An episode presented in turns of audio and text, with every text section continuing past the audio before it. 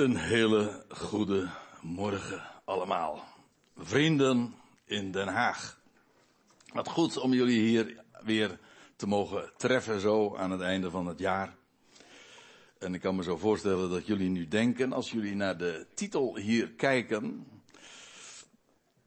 dat dit al helemaal een opstapje is naar de komende dagen, naar het kerstfeest.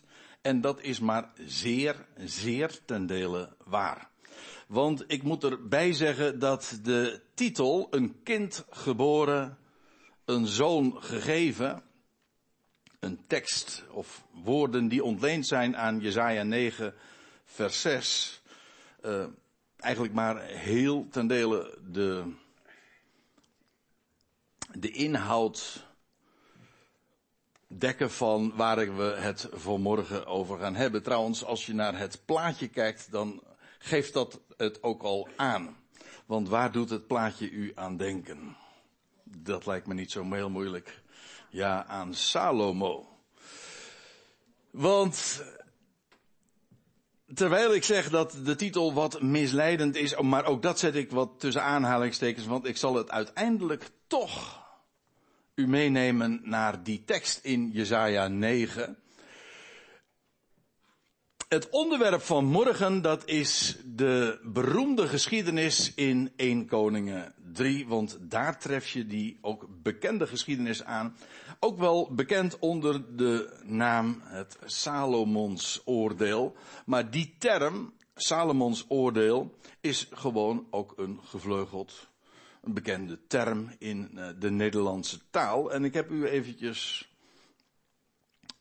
ik heb dan voor mezelf eerst eens eventjes geraadpleegd, hoe zat dat ook alweer met dat woord? En wat doe je dan? Dan pak je de encyclopedie. Nee, niet de papieren, nee, maar degene die het meest gebruikt wordt.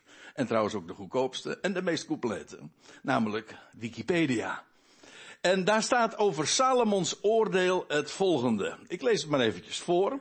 Een Salomons oordeel, Salomon, dat is de wat katholieke aanduiding van Salomo, dat is de protestantse vertalingen. Uh, een Salomons oordeel, dat is een vonnis of uitspraak in een lastig geschil die getuigt van wijsheid en spitsvondigheid. Geen van de strijdende partijen heeft ogenschijnlijk een voordeel bij deze uitspraak. Uit de, de reactie van de strijdende partijen leidt de rechter vervolgens af welke partij in haar recht staat, zodat het vonnis dat uitgesproken wordt feitelijk voorlopig is en deel uitmaakt van de waarheidsvinding. En juist uit de reactie op het vonnis vindt het definitieve vonnis plaats dus. De uitdrukking is ontleend aan een bijbelverhaal waarin koning Salomo op een spitsvondige wijze uh, een oordeel velt in een moeilijk juridisch vraagstuk. En die geschiedenis, zoals gezegd, vinden we in 1 Koningen 3. Nou, dat gaan we dus vanmorgen eens uh, met elkaar bezien. En nog eventjes voor de context. Salomo, zijn naam betekent vrede, shalom. Daar heeft het alles mee te maken. Is de zoon van, ja, van David en van Bathseba. Dat herinnert aan niet zo'n hele fraaie geschiedenis trouwens. Maar Salomo, hij leefde duizend jaar voor Christus. Tamelijk precies zelfs. En als u het mij vraagt, in het jaar 3000 na Adam. Zelfs vrij precies. Dat wil zeggen het twintigste jaar van zijn regering. Dat was toen hij de tempel en zijn paleis helemaal compleet had in Jeruzalem. Dat was het jaar 3000. Anno Hominus. Hij is de zoon van David. Een wat dubbelzinnige term natuurlijk, want ja, wij denken bij de zonen Davids uh, eigenlijk haast per definitie aan de definitieve zoon, de erfgenaam, namelijk de Heer Jezus Christus, die ook inderdaad bij vele gelegenheden zo genoemd wordt, de zoon van David. Maar de eerste die zo aangeduid werd, dat was Salomo dus. De eerste erfgenaam van de Davidische dynastie. Het koningshuis van David ja, begon dus bij David. Die is de grondlegger daarvan. En vervolgens is, zijn er uit dat koningshuis maar liefst twintig koningen voortgekomen achtereenvolgend.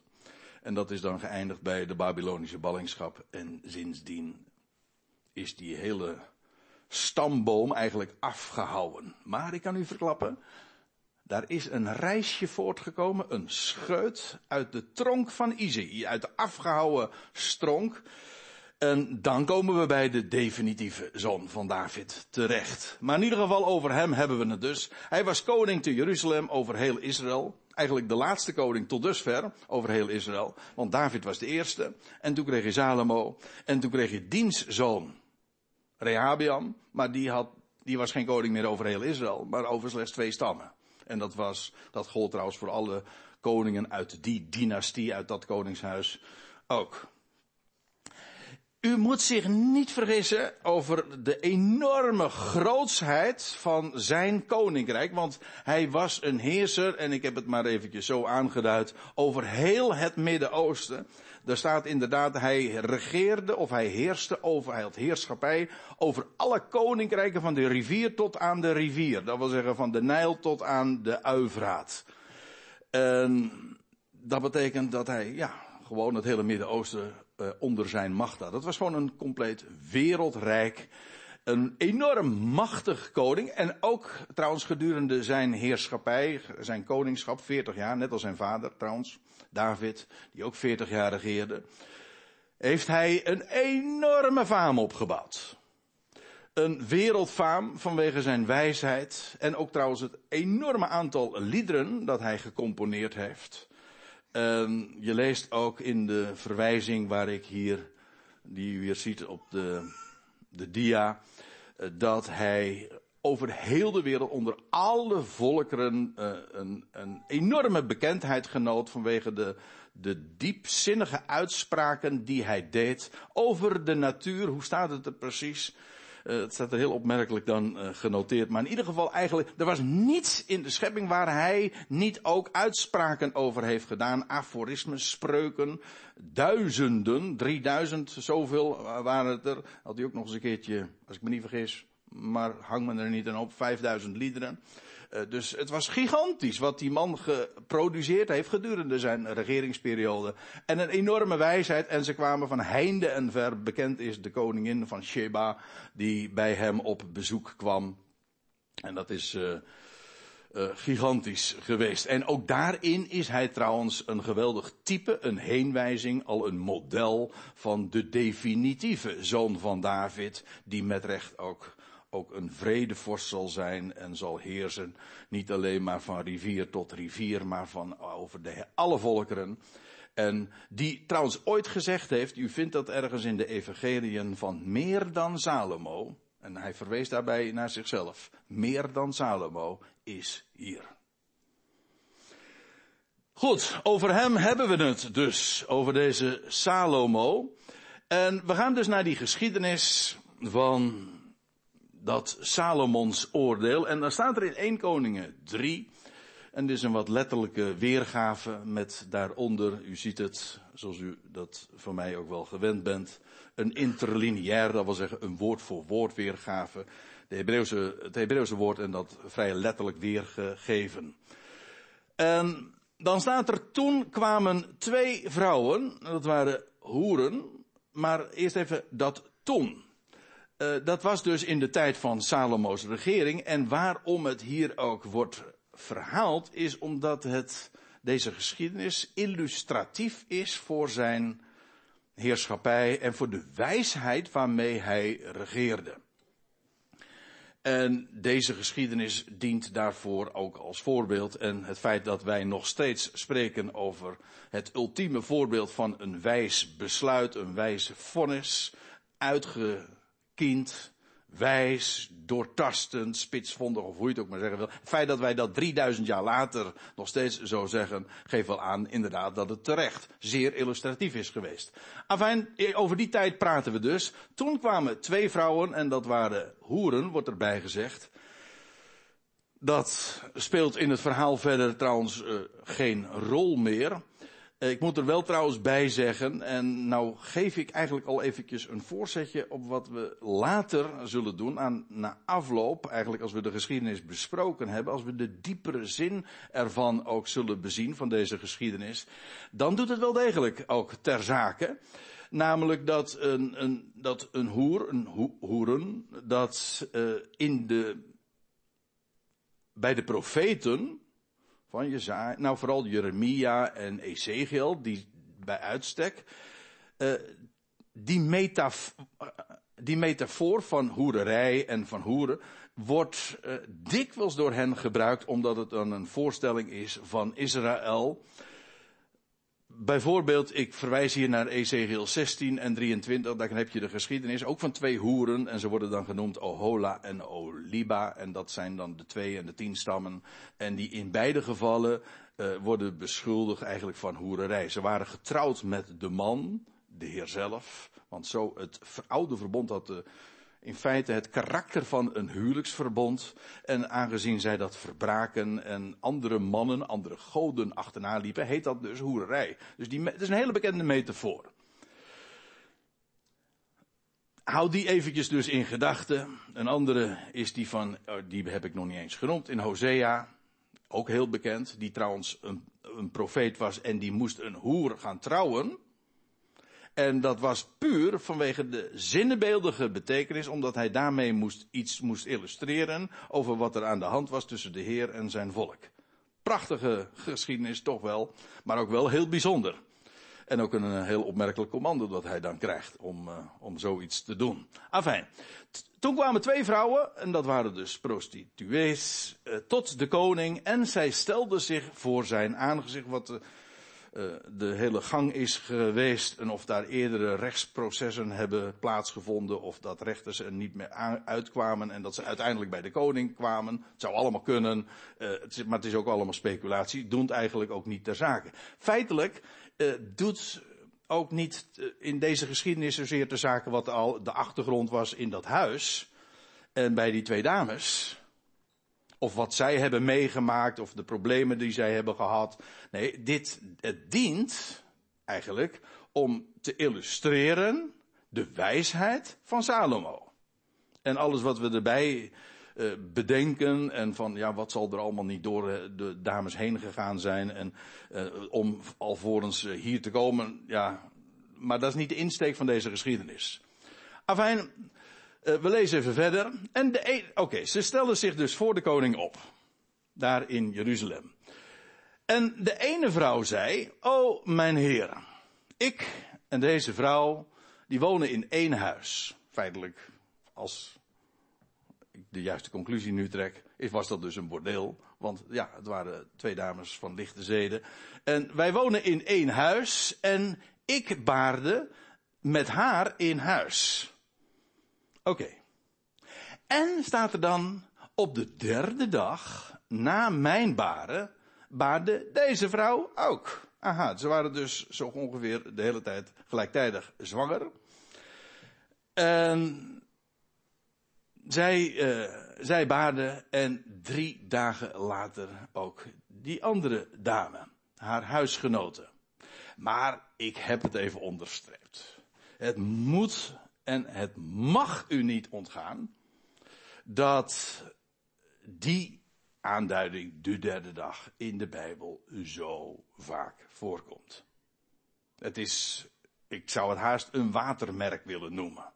Want ja, je zou de vraag kunnen stellen van, ja, wat doet dat nou zoveel te zaken? Dat had ook kunnen staan van diezelfde week of uh, korte tijd later. Dat, dat, zou allemaal even ter zake zijn. Nee, op de derde dag na mijn baarden baarde deze vrouw ook.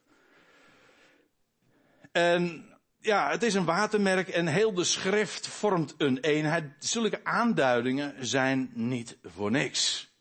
En laat ik eens even een, het is een, een greep, maar verre van compleet. Maar laat ik u dan, ik wil graag toch uh, overtuigend overkomen als ik zulke dingen zeg. Alleen al vanuit het Oude Testament, de Hebreeuwse Bijbel dus, de Tenach. Hoe vaak je dat tegenkomt. En het begint al in Genesis 1. Ik geef zeven voorbeelden. Op de, de eerste keer dat je leest over de derde dag, dat is in Genesis 1, toen verrees het land uit het water.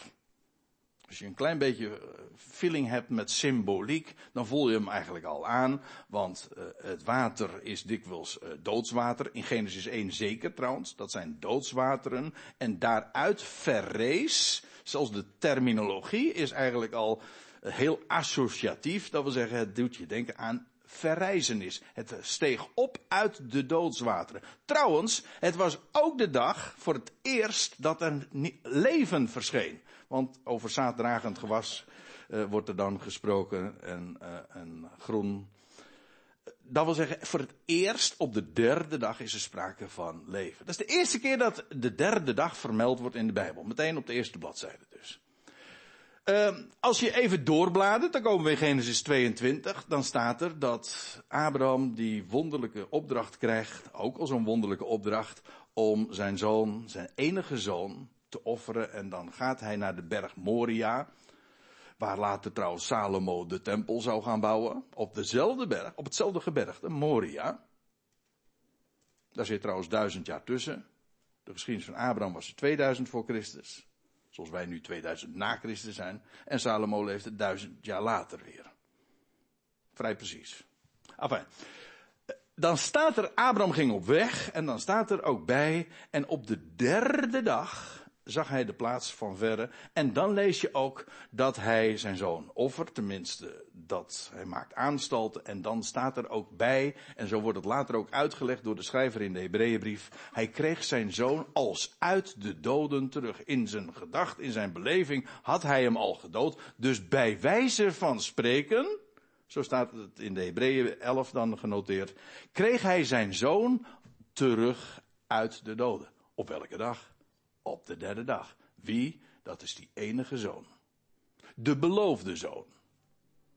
De zoon van Abraham. Ja. Uh, hoe, gemakkelijk wil je het hebben? Ik bedoel, uh, het is allemaal zo veelzeggend. Ik ga even verder. Op de derde dag, kijk het maar naar in Jozua 2, trok Israël door de Jordaan. Op een wonderlijke wijze. Ze moesten de ark navolgen dan staat erbij op een afstand van ongeveer 2000 el. Dus eerst ging die ark door de Jordaan en dan Israël volgt ook, maar niet direct, maar op een afstand dus van 2000 el. Schitterende geschiedenis, maar waar het me vooral om gaat, het was op de derde dag ook. Eerst legerden ze zich daar bij de Jordaan en op de derde dag gingen ze er doorheen. Maar we weten allemaal, over associatief en symboliek en gesproken, dat de Jordaan Kijk het maar eens na of luister het nog eens maar in, in die spirituals, die Negro spirituals, is de Jordaan altijd een beeld van de dood. De doodsjordaan.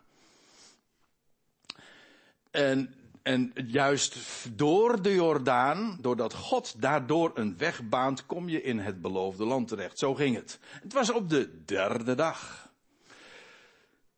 Ik heb hier ooit een keertje, nou dat was niet hier, maar dat was nog in de, de oude locatie. En dat is jaren geleden, heb ik een keer gesproken over een geschiedenis, 1 Samuel 5. En dan wordt niet vermeld dat het de derde dag is. dat wil zeggen, de uitdrukking derde dag komt daar niet voor. Maar tel het maar na, dan staat er eerst een dag, en dan de volgende dag, en dan weer de volgende dag.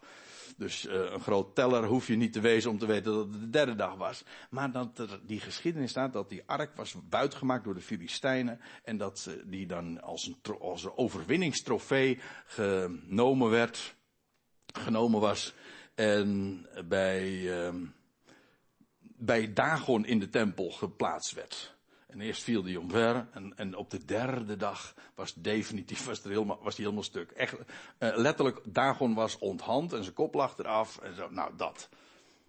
De derde dag. Uh, ik ga nog even verder. Op de derde dag, dat lees je in Jezaja. En als ik me niet vergis, ergens ook in, in Kronieken. Maar dat weet ik niet zeker. Maar in ieder geval, op de, dan staat erbij dat Hiskia, die doodziek was en dan, wordt eh, dan krijgt hij te horen van Gods wegen dat hij, weliswaar doodziek, maar hij zou op de derde dag, genezen en wel, opgaan naar de tempel. Doodziek, maar hersteld. Wanneer? Op de derde dag. En zo zou hij opgaan naar het huis van God. Ik hoop dat er nu al die radartjes, uh, net zoals bij mij zelf nu, uh, draaien. En zeggen, aha, hé, hey, dat, eigenaardig. Dat al die lijnen zo bij elkaar komen, elkaar parallel lopen, soms elkaar kruisen, nou ja, dat soort dingen. Uh, nog een voorbeeld. Het was op de derde dag in de geschiedenis van Esther en Ahasveros en Haman weer toen. En dat Esther het op een gegeven ogenblik het aandurft om naar de koning Ahasveros toe te gaan. En dan staat er, het was op de derde dag en toen kreeg ze de gouden scepter uit, aangereikt, zodat ze inderdaad, dat was een bewijs dat Ahasveros haar genade bewees. Op de derde dag. Een gouden scepter. Goud, onvergankelijkheid, overwinning op de dood, een scepter, heerschappij. Trouwens, een staf is sowieso altijd al een beeld van opstanding, opstaan.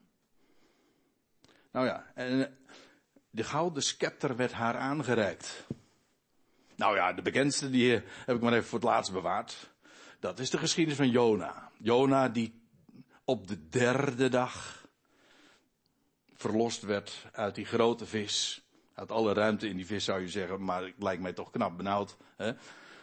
En toen werd hij uit, het, uh, uit de vis, uit het water ook gespuwd en hij kwam op het land terecht. En zo kwam hij, uh, arriveerde hij in Nineveh. Een eigenaardige geschiedenis. Maar ja, Later is het trouwens de heer Jezus zelf die ook zegt, zoals Jona drie dagen, drie nachten in het hart van de vis was, of het hart der aarde was, nee, in, in, de vis was, zo zal ook eh, de des mensen drie dagen, drie nachten in het hart der aarde zijn. Heel boeiend allemaal. Maar het gaat maar even om dit punt, uiteraard de derde dag. Nou, ik hoop u met die zeven voorbeelden in ieder geval, en ik zou de lijst aanzienlijk langer nog kunnen maken, maar in ieder geval bewezen te hebben, dus derde dag, spreekt altijd van, ja, wat we in het Nieuwe Testament uh, kennen natuurlijk, als de dag dat de Messias verrees uit het graf, nieuw leven aan het licht bracht. Hou hem vast. Want dat is van belang straks als we het gaan hebben uh, over de diepere zin van deze geschiedenis. Op de derde dag na mijn baren, we gaan er weer even helemaal terug naar die geschiedenis. Die vrouw die, die begint dus te praten en zegt van nou ja, ik heb, een, ik heb gebaard. Die vrouw was in, in het huis en drie dagen later bevalt zij ook. Nou ja, bevalt ze. Weet ik niet of het er beviel, maar nou ja. Uh, baarde deze vrouw ook. En wij waren samen. Er was geen vreemde bij ons in huis. Alleen wij tweeën waren in huis. Waarmee heel omstandig is gezegd, er waren dus geen getuigen bij. Dus als je hier uh, wil achter, erachter wil komen die gelijken, ja, dan, dan moet je bij ons tweeën zijn. Meer zijn er namelijk niet. Die er iets zinnigs over kunnen zeggen. En zij gaat verder met haar aanklacht. En de zoon van deze vrouw. Oh. En de zoon van deze vrouw stierf in de nacht omdat zij op hem had gelegen.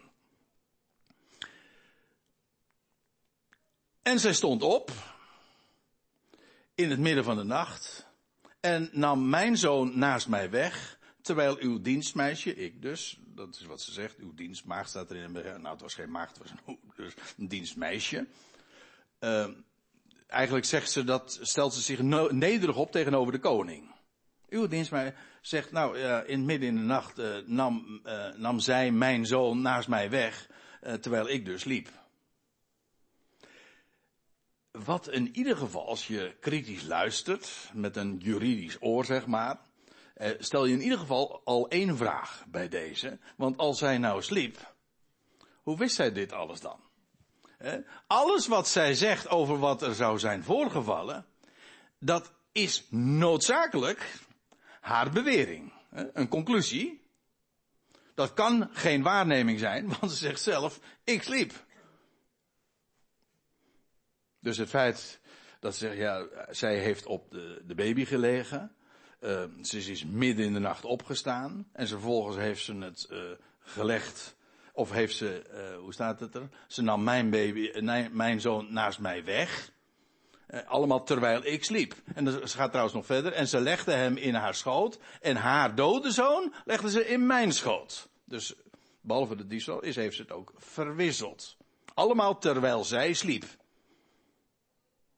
Ja. En zo gaat zij verder. Ze staat daar voor die koning. En die andere vrouw heeft nog steeds niks gezegd. Want zij heeft een klacht, een aanklacht dus. En zij gaat verder met haar relaas. En dan zegt ze, en ik stond in de ochtend op om mijn zoon te zogen. En zie, hij was dood. En ik bekeek hem zorgvuldig in de ochtend. En zie, het was niet mijn zoon die ik baarde.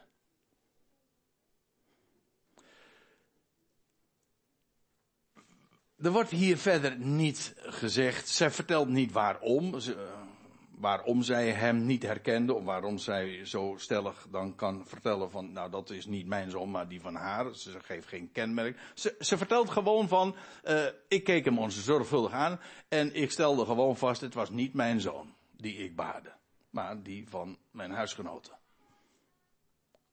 Nou, ik vind, uh, ik weet niet hoe het u vergaat, maar ik vind baby's altijd, uh, zeker in die eerste, het eerste jaar altijd op elkaar lijken, dus valt. Hè.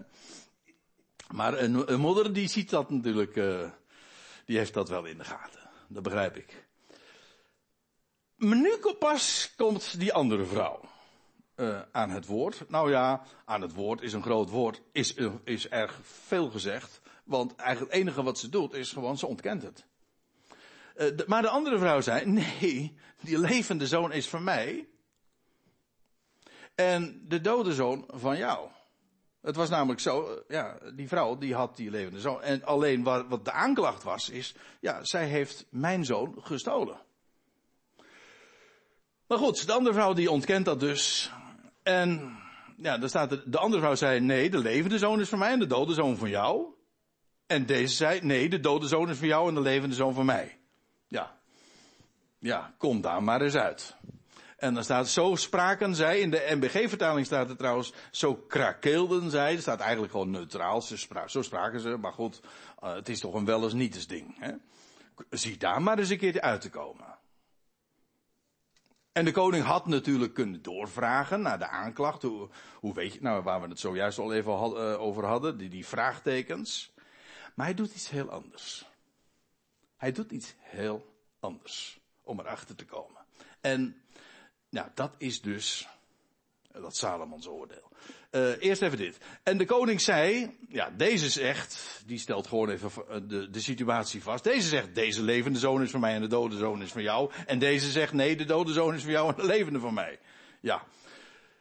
Nou, er zijn als je het even objectief dus bekijkt, in die zin uh, vrij simpel. Er zijn twee opties. De aanklacht is terecht. En dan is de, aangekla de aangeklaagde vrouw heeft het kind dus gestolen. En dat betekent dan ook dat de aangeklaagde vrouw liegt uh, als zij het ontkent. Oké. Of de aanklacht is onterecht. En dan heeft de aanklaagster zelf het kind per ongeluk gedood. Kennelijk was dat duidelijk dat er iets gebeurd was waardoor, waardoor dat zichtbaar was. En de aanklaagster beschuldigt dus haar huisgenoten, eh, huisgenoten moet het zijn, vals. Dat zijn de twee opties. En wat doet koning Salomo dan? Nou, dat is dus dat Salomons oordeel. Wat hij doet, is hij spreekt een vonnis uit. Uh, let op. En de koning zei, neem voor mij een zwaard. Hij laat dus een zwaard aandrukken. En ja, dit, is, dit zou natuurlijk niet een vonnis zijn in 2019 in, uh, in Den Haag. Maar we praten ook over een geschiedenis 3000 jaar geleden. En waardoor dit soort middelen gewoon allemaal uh, vrij waren en volstrekt uh, normaal. En die koning die laat een zwaard aandrukken en hij zegt, en ze brachten het zwaard voor het aangezicht van de koning. En de koning zei, Snijd de levende jongen in tweeën.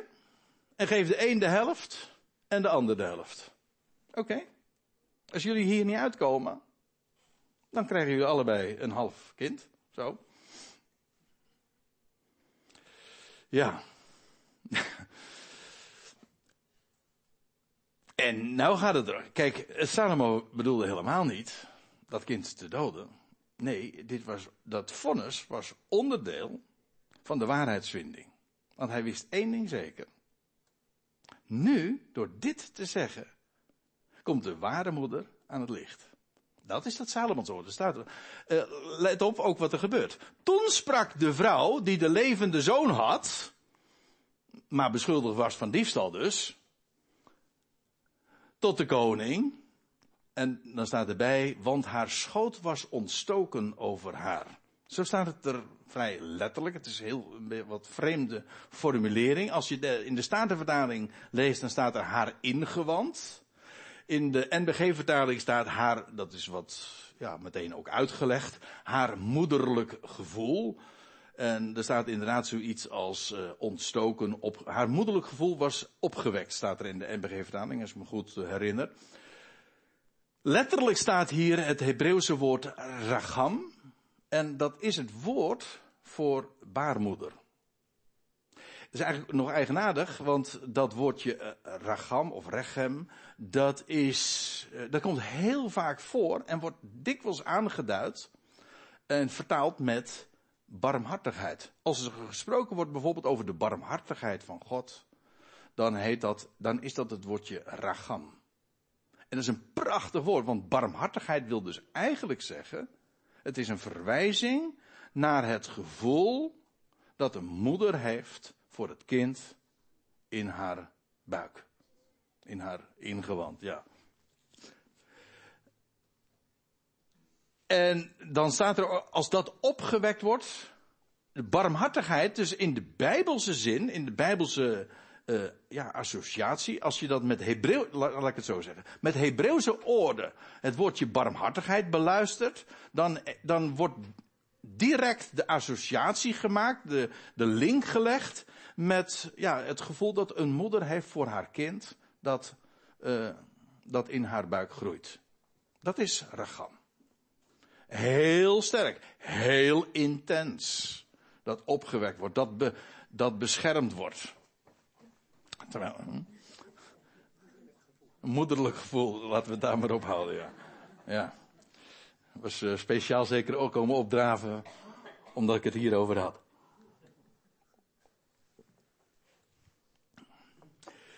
Ja, dan, dus die vrouw die, toen sprak de vrouw, wacht even, um, toen sprak de vrouw die de levende zoon had tot de koning, want haar schoot was ontstoken over haar.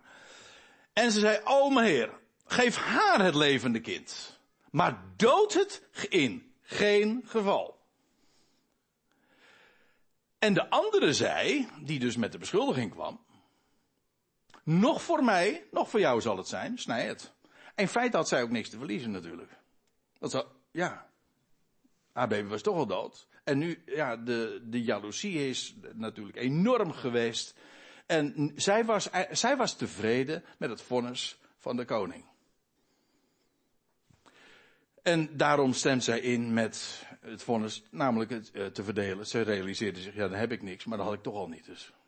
Dat. En dan staat, uh, ik, ik, het komt er eigenlijk dus op neer, onwetend doden ze de eerste jongen.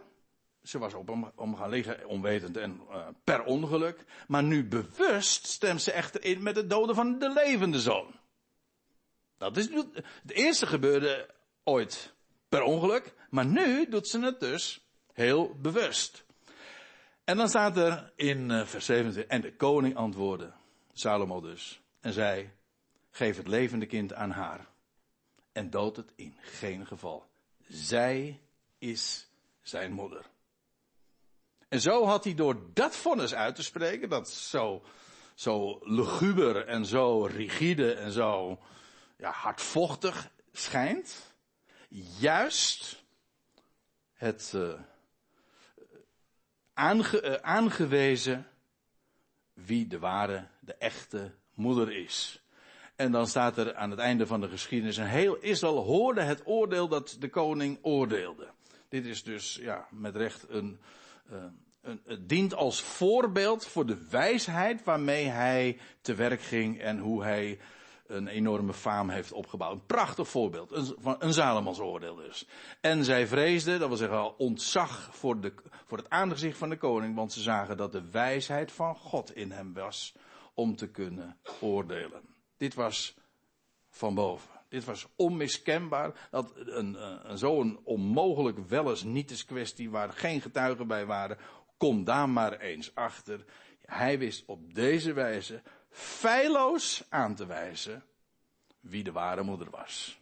En heel Israël die hiervan hoorde, ja, daar was het onmiskenbaar voor. Wat een geweldige wijsheid heeft hij van God ontvangen. Trouwens, dat was ook, dat lees je in datzelfde 1 Koningen 3, ook de bede van Salomo. Toen hij begon, hij zegt, ja, ik, hij zegt, ik weet niet in en uit te gaan. Hij zegt, ik weet, hij zegt maar, oh ja, toen kreeg hij de, ook in een droom ook de, de, de vraag voorgelegd, wat wil je? En hij vroeg niet om, hij vroeg niet om rijkdom, kreeg hij trouwens wel. Hij vroeg ook niet om macht, kreeg hij trouwens ook. Hij vroeg om wijsheid. Wijsheid om recht te kunnen spreken. Als er iets is waar deze wereld door gekenmerkt wordt, is, is onrecht. Onbillijk. Zo, het, eh, zoals Jezaja ergens zegt, het recht struikelt op de straten. Alles wordt ingegeven door, door vriendjespolitiek, door partijbelangen, eh, door, alle, door allerlei non-informatie. Kortom, er is zoveel valsheid. Dat is de, hele, de hele wereld wordt daardoor gekenmerkt, doordat de waarheid in, in uh, leugen ten onder wordt gehouden. En hier is een koning dat zal straks ook in het Messiaanse Rijk zo zijn. Namelijk dat er geheerst zal worden in recht en gerechtigheid. Recht dus. En ook in wijsheid. Nou, dat is wat Salomo hier aan de dag legde. Maar goed, ik had beloofd uh, nog wat te vertellen ook over de diepere zin. Ik heb natuurlijk al wat gezegd over de, de, de, die derde dag en een paar andere dingen ook aangehaald. Maar nu is het toch tijd, denk ik, om eens eventjes nog wat dieper te graven en ook de samenhang daarvan te zien. En ik wil een, een aantal dingen graag even op een rijtje zetten. Wat ik wil zeggen is, die beide zonen, en dat is dan de typologie, de, eh, de zinnebeeldigheid, dat wil zeggen, het verwijst onder de oppervlakte. We hebben de, geschied, de oppervlakkige betekenis uh, hebben we gezien, dat was gewoon de letterlijke tekst. Maar wat er onder de oppervlakte zichtbaar wordt, is dat het verwijst naar de zoon van David. En die beide zonen zijn typen van Christus. De eerste zoon sterft. En de zoon van de derde dag, daarna, dat is de levende. Maar die beide zonen, zowel die zoon die sterft als de zoon van die derde dag, zijn een type van Christus. De een sterft en de andere, namelijk die van de derde dag, ja, dat is de levende, die blijft ook leven. Die, ik gaf al in het begin ook even een hint naar die vrouwen, hoeren, uh, verwijzen feitelijk ook naar het volk, het Joodse volk. En die dood, dat, ook dat is een link, een parallel, die dood in onwetendheid de zoon. Ik zeg het zo, omdat ooit het Petrus was die dat ook zo heeft eh, verteld op het tempelplein notabene in Jeruzalem. In Handelingen 3 lees je dit. Als daar uh, net zojuist een genezing heeft plaatsgevonden van een, een man die verlamd was vanaf, zijn moeder, vanaf de moederschoot. En dan houdt, vindt er een enorme volksoploop plaats vanwege dat geweldige teken wat daar heeft plaatsgevonden. En dan staat Petrus op en die houdt een reden en dan zegt hij. U moet zich realiseren, dit was enkele maanden hooguit na de, uh, de opstanding van Christus. Handelingen 3 lees je dit. En dan zegt Paulus, of nee, pardon, Petrus. En nu broeders, ik weet dat jullie handelden naar onwetendheid, zoals ook jullie oversten. Wat hij dus zegt, hij heeft het over het feit dat ze Barabbas hadden verkozen boven Jezus en dat ze Jezus hebben overgeleverd. En Petrus zegt, Jullie hebben dat gedaan in onwetendheid. Jullie wisten niet wat je deden. Trouwens, dat had de Heer ook gezegd aan het kruis. Vergeven ze weten niet wat ze doen. hij zegt, ik weet dat jullie handelden naar onwetendheid, zoals ook, niet jullie alleen als volk, maar zoals ook jullie oversten. Maar staat erbij, zo vervulde God hetgeen hij tevoren aankondigde door de mond van al de profeten, namelijk het lijden van zijn Christus. Namelijk dat hij moest sterven. Dat was zo aangekondigd. Met andere woorden, jullie zijn onwetend over uh, datgene wat jullie gedaan hebben. Zou je soms niet zeggen hoor, als je in de Evangelie leest dat ze onwetend waren. Maar dat is zoals dat later dus uh, door Petrus hier ook beoordeeld wordt. In onwetendheid, omdat God op die wijze, via die route, zijn belofte en zijn woord had bevestigd en bewezen. Want het moest zo gebeuren. Het was zo tevoren al uh, voorzegd. Dus inderdaad, het Joodse volk doodt in onwetendheid. Het is de zoon. Het derde punt. Het Joodse volk beschuldigt haar huisgenoot. Lees de secte van de Nazareners. Zo worden de, de, de, de christenen, als ik het zo mag zeggen, genoemd in, in handelingen, in het boek Handeling. De secte van de Nazareners. In het Joodse volk uh, daar was een secte, er waren allerlei secten van de fariseeën en uh, de Sadduceeën, et cetera. Maar je had ook de secte, eigenlijk gewoon een partij. Het woord secte heeft niet die negatieve klank als die wij daar vaak in horen. Maar in, ieder geval, het is gewoon een segment, een, een, een ja, een, secte. En de secte van de Nazareners, zo werden degenen genoemd die geloofden in Jezus van Nazareth. Het Joodse volk beschuldigt haar huisgenoot, de secte van de Nazarenus, de zoon van de derde dag te hebben gestolen. Ook daarin komt het overeen. Wat, uh, wat lezen we in, in Matthäus 28? Dan lees je pal na de opstanding. Op, nee, ja, op de dag zelfs van de opstand. dat was trouwens ook een, een hoogtijdag, de dag van de eerstlingsschoof zeg ik zonder commentaar nu. Maar in ieder geval uh, dat je leest dat de soldaten die waren weggevlucht. En dan lees je dat er een, een spoedvergadering plaatsvindt. En dan staat er en vergaderd met de oudste, beraadslaagden zij en namen aanzienlijke hoeveelheid zilverstukken en gaven die aan de soldaten om een verhaal te gaan vertellen. En terwijl, eh, terwijl ze zeiden, zegt dat, dat we zeggen, ga onder het volk nou maar dit vertellen, zegt dat zijn discipelen vannacht kwamen en hem stalen terwijl wij sliepen.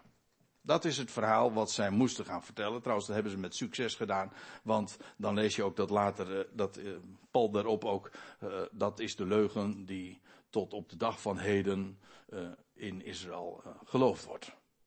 Namelijk, ja, het is, het, de discipelen hebben het lichaam gestolen. Wat trouwens absolute nonsens en dwaasheid zelfs is.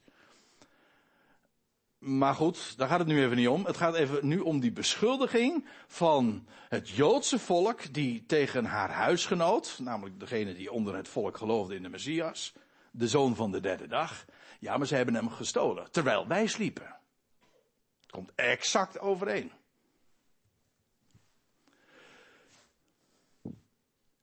Nog één.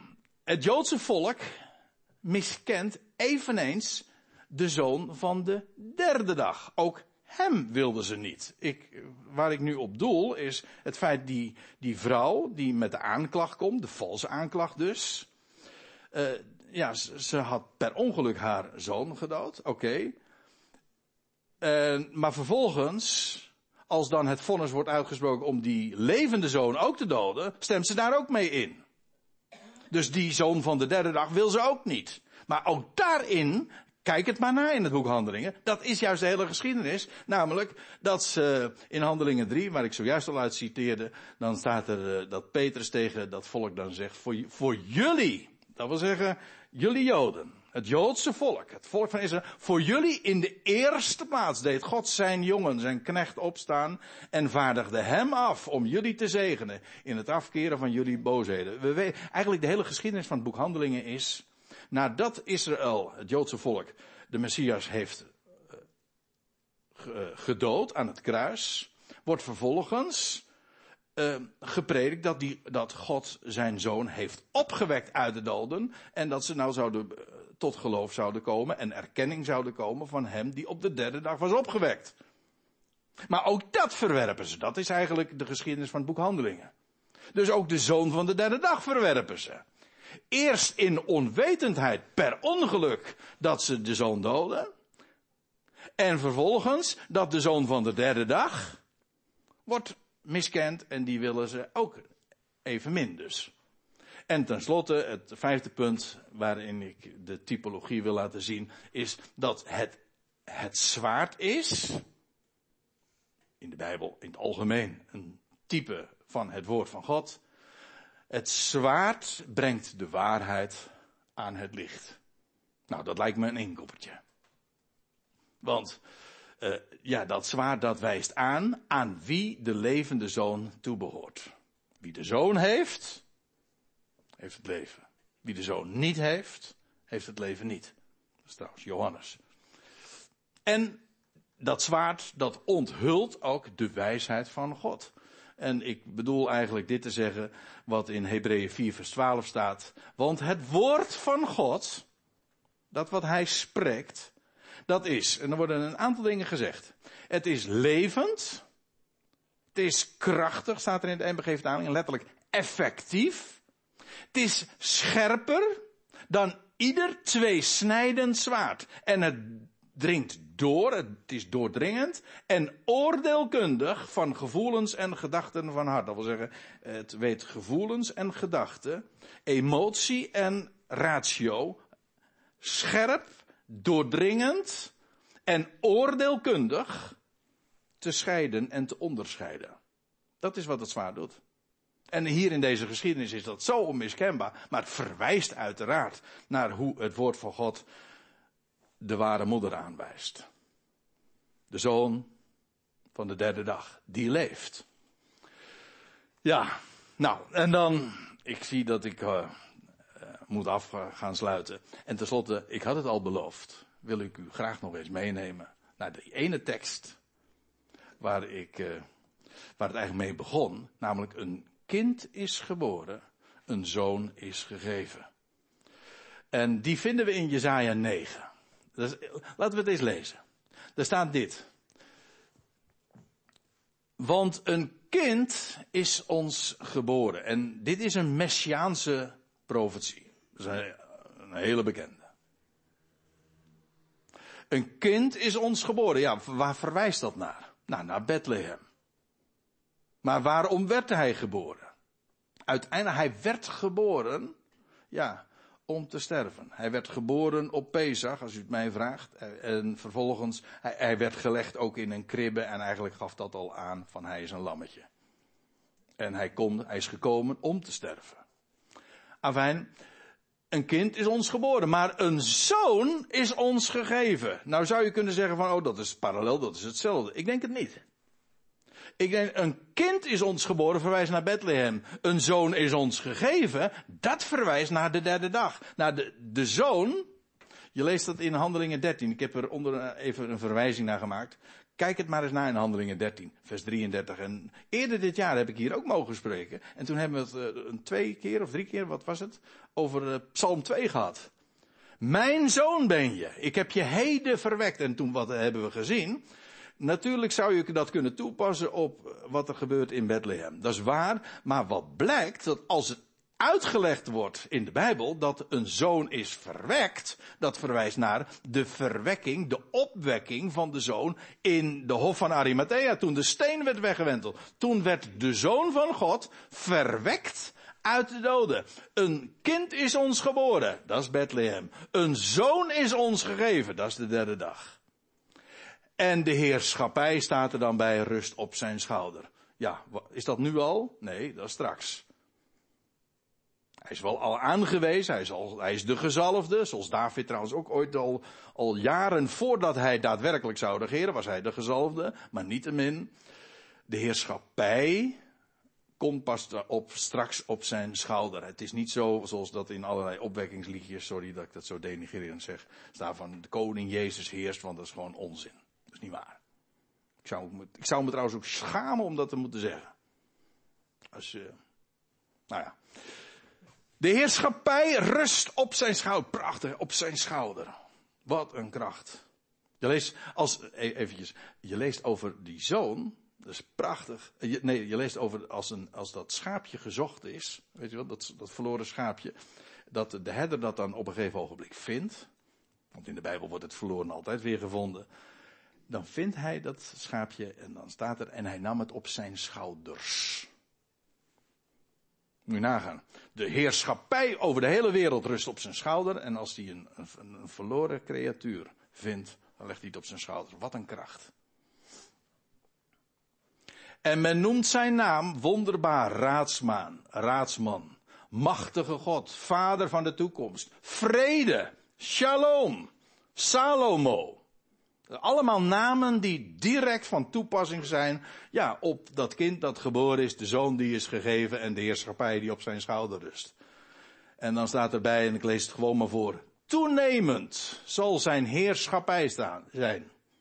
Dat wil zeggen, het zal steeds groter worden. Hij, vanaf de zoon vestigt de zoon zijn heerschappij. Hij gaat het straks ook uitbreiden vanuit Jeruzalem, zoals Salomo dat ooit gedaan heeft. En eindeloos de vrede, de shalom, op de troon van David en over zijn koninkrijk. Om haar te vestigen en te ondersteunen in recht en gerechtigheid. En dan staat erbij van nu aan tot aan de eeuw. En dan staat er nog iets bij. En daar ben ik zo verschrikkelijk blij mee. En dat is illustratief voor de wijze waarop God opereert. Hij is daarbij totaal niet, God dank, niet afhankelijk van de mens. Als hij iets plant, dan doet hij dat. En als hij iets in zijn hart heeft, dan vervult hij dat. En dan vraagt hij niet van, ben je het daarmee eens of zo?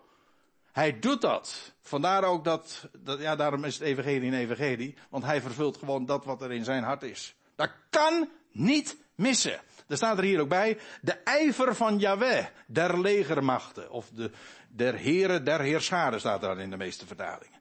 De, ja, de ijver van Yahweh, der legermachten, zal dit doen. Punt. Geen twijfel mogelijk. Zo zal het gaan, wat een mens ook denkt en wat een mens ook plant. De mens wikt, God beschikt.